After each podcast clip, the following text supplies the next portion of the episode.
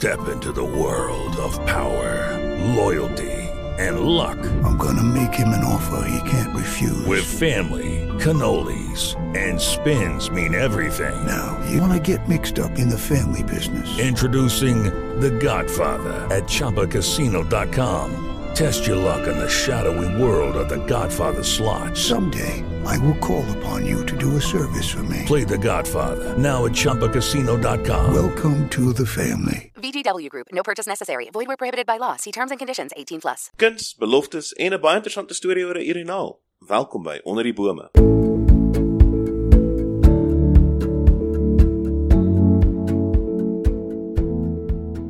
Goeiedag en welkom terug by Onder die Bome, 'n reeks oor filosofie waar ons by kenners op die gebied, die Gerrefoon Inisiatief, meer leer oor die inhoud, toepassing en ontwikkeling van filosofie. Hierdie episode is met trots geborg deur Akademia. As filosofie, politiek en die ekonomiese sfeer jou fascineer, dan is Akademia se veelsidige graadkwalifikasie in politiek, filosofie en ekonomie die perfekte volgende stap in jou loopbaanreis. Besoek www.akademia.ac.za vir meer inligting. Ek is Daniel Du Plessis en in die ateljee met ons is Hans Pretorius. Goeiedag Hans en welkom hier by ons. Dag Senonel, goed om hier te wees. Hans, daar's hierdie gesegde: Beauty is in the eye of the beholder. Maar dit beteken dat elkeen maar eintlik self kan bepaal wat kuns is en wat nie. Kan jy ons dalk meer vertel van kuns en hoekom dit presies 'n deel van die filosofie is? Wel Daniel, ehm um, miskien moet ek om jou vraag te antwoord, ehm um, in plaas van 'n antwoord begin met 'n vraag. So wat kan ons beskryf as die essensie van kuns en hoekom wil dit voorkom as iets wat onmisbaar vir die menslike ervaring en 'n betekenisse betekenisvolle bestaan is? So met ander woorde, hoe bied dit vir ons insig en wat is die verband tussen byvoorbeeld kuns, die denke en die idee van die goeie? Laat ons begin met 'n breë inleidende gedagte. Kuns kan die belofte dra om insig te bied in dit wat wesenlik en universeel is. Terwyl die denke hierdie taak weer vermag deur die onsigbare onder begrip te bring, te begryp, so te sê, en te ontsluit, lei die kuns ons dan deur 'n proses van sintuiglike verwringing om uiteindelik weer ingestem te word tot dit wat buite die sintuig sintuiglike ervaring self lê. Asook om dan uh, wederzijds 'n getransformeerde verhouding teenoor die sintuiglike self te bewerkstellig. Maar in die belofte wat kuns tot betekenis bied, word ook die idee van die goeie lewe betrek. Wanneer ons met goeie kuns te doen kry, moet dit ons herinner dat dit waarna die kunswerk probeer wys en die blote feit van die kunswerk se bestaan self die belofte dra dat die rede vir ons bestaan nie net suiwer voortbestaan is nie. Maar in hierdie belofte wat kuns tot betekenis bied, word ook die idee van die goeie betrek. So wanneer ons met goeie kuns te doen kry, moet ons moet dit ons herinner dat dit waarna die kunswerk probeer wys en die blote feit van die kunswerk se bestaan self die belofte dra dat die rede vir ons bestaan nie net suiwer voortbestaan is nie. Dit is dan te sê dat ons nie passief en onveranderd gelaat word wanneer ons dan buite die indrukwekkende invloedsfeer van die kunswerk self teruggaan na dit wat alledaags is nie. Met ander woorde, ons alledaagse bestaan. Hmm, so dan beteken dit daar ten minste filosofies beskou iets soos die ideale kunswerk sal wees. Wel, die ideale kunswerk is dan juis dit wat ons benadering tot die alledaagse kan transformeer. Ehm um, dit wil sê om moontlike gerigte handeling te kan inspireer. En met hierdie handeling waarna ek verwys word, hier nie bedoel net na die suiwer praktiese handeling wat afsonderlik van die denke geskied nie. Kuns kan ons ook aanspoor tot die denke self wat dan eintlik uiteindelik ook 'n vorm van handeling is. Maar dit kan nie namens ons dink nie. Dit wil sê met ander woorde self kan ruimte oopgebreek word vir die denke om ehm um, te gebeur of plaas te vind, ehm um, of te ontwikkel. Dit is dan juist dit wat as wyser kan dien na dit wat oneindig toegenader kan word, maar tog nooit volkome omvat kan word nie. Maar wat 'n sulks effek kan hê op hoe daar met die werklikheid omgegaan word. En dis natuurlik juist hier waar die idee van die goeie voorgehou kan word. Iets om ehm um, na te streef. Is die kunswerk dan altyd 'n produk van sy tyd wat die ehm um, moontlikheid dra wanneer dit ware universele kuns is om deur toekomstige generasies toegeëien te word, waar ehm um, weer geïnterpreteer en relevant gemaak te word.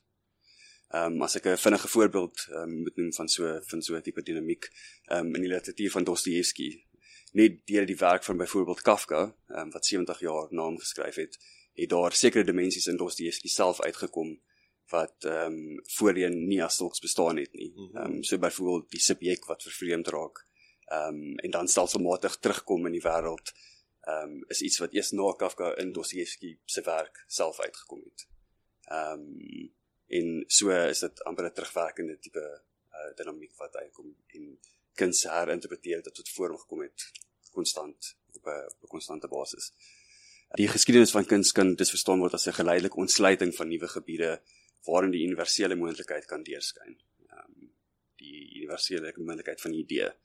Die kunswerk is dus altyd 'n produk van sy tyd wat die moontlikheid dra wanneer dit ware universele kuns is om deur toekomstige generasies toegeëien, weer geïnterpreteer en relevant gemaak te word.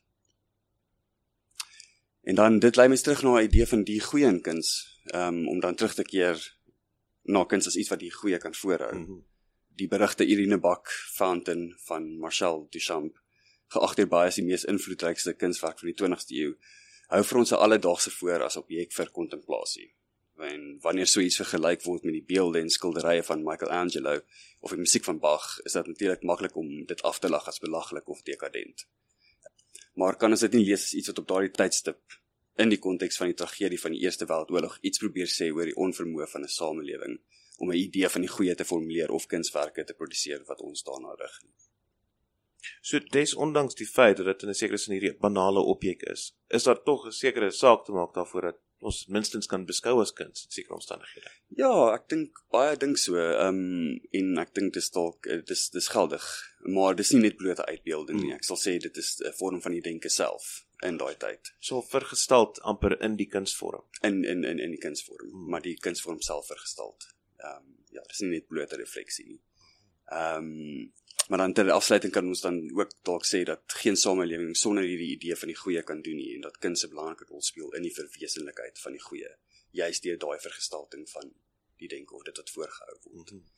En dan ehm um, wat dan natuurlik altyd voorgehou word as iets wat bereik moet word. Ehm um, waar daar nog gestreef moet word. En ehm um, sienende ter afsluiting dat ons volgende segment oor die filmkuns handel is dit dalk gepas om met 'n aanhaling van die groot Russiese filmmaker Andrei Tarkovsky Tarkovsky af te eindig. Ek haal aan in Engels. The aim of art is to prepare a person for death, to plow and harrow his soul, rendering it capable of turning to good. Nou ja, toe. Ek hoop dat jy as luisteraar tot kuns geïnspireer is deur hierdie episode van Onder die Bome. Maak 'n bietjie tyd. Gaan kyk na 'n bietjie kuns en dink na oor wat Hans vir ons vandag alles vertel het. Skakel dan ook gerus volgende week in as ons meedoenloos meedoen met die media. Onder die bome word aan jou gebring deur Pot Media en die Gyrofoon Inisiatief in samewerking met Marula Media. Hierdie episode se inhoud saamgestel deur Dirk Voliter.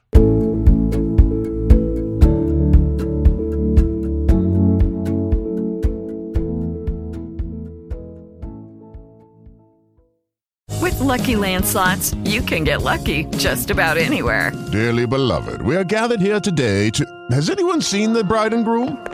Sorry, sorry, we're here. We were getting lucky in the limo and we lost track of time.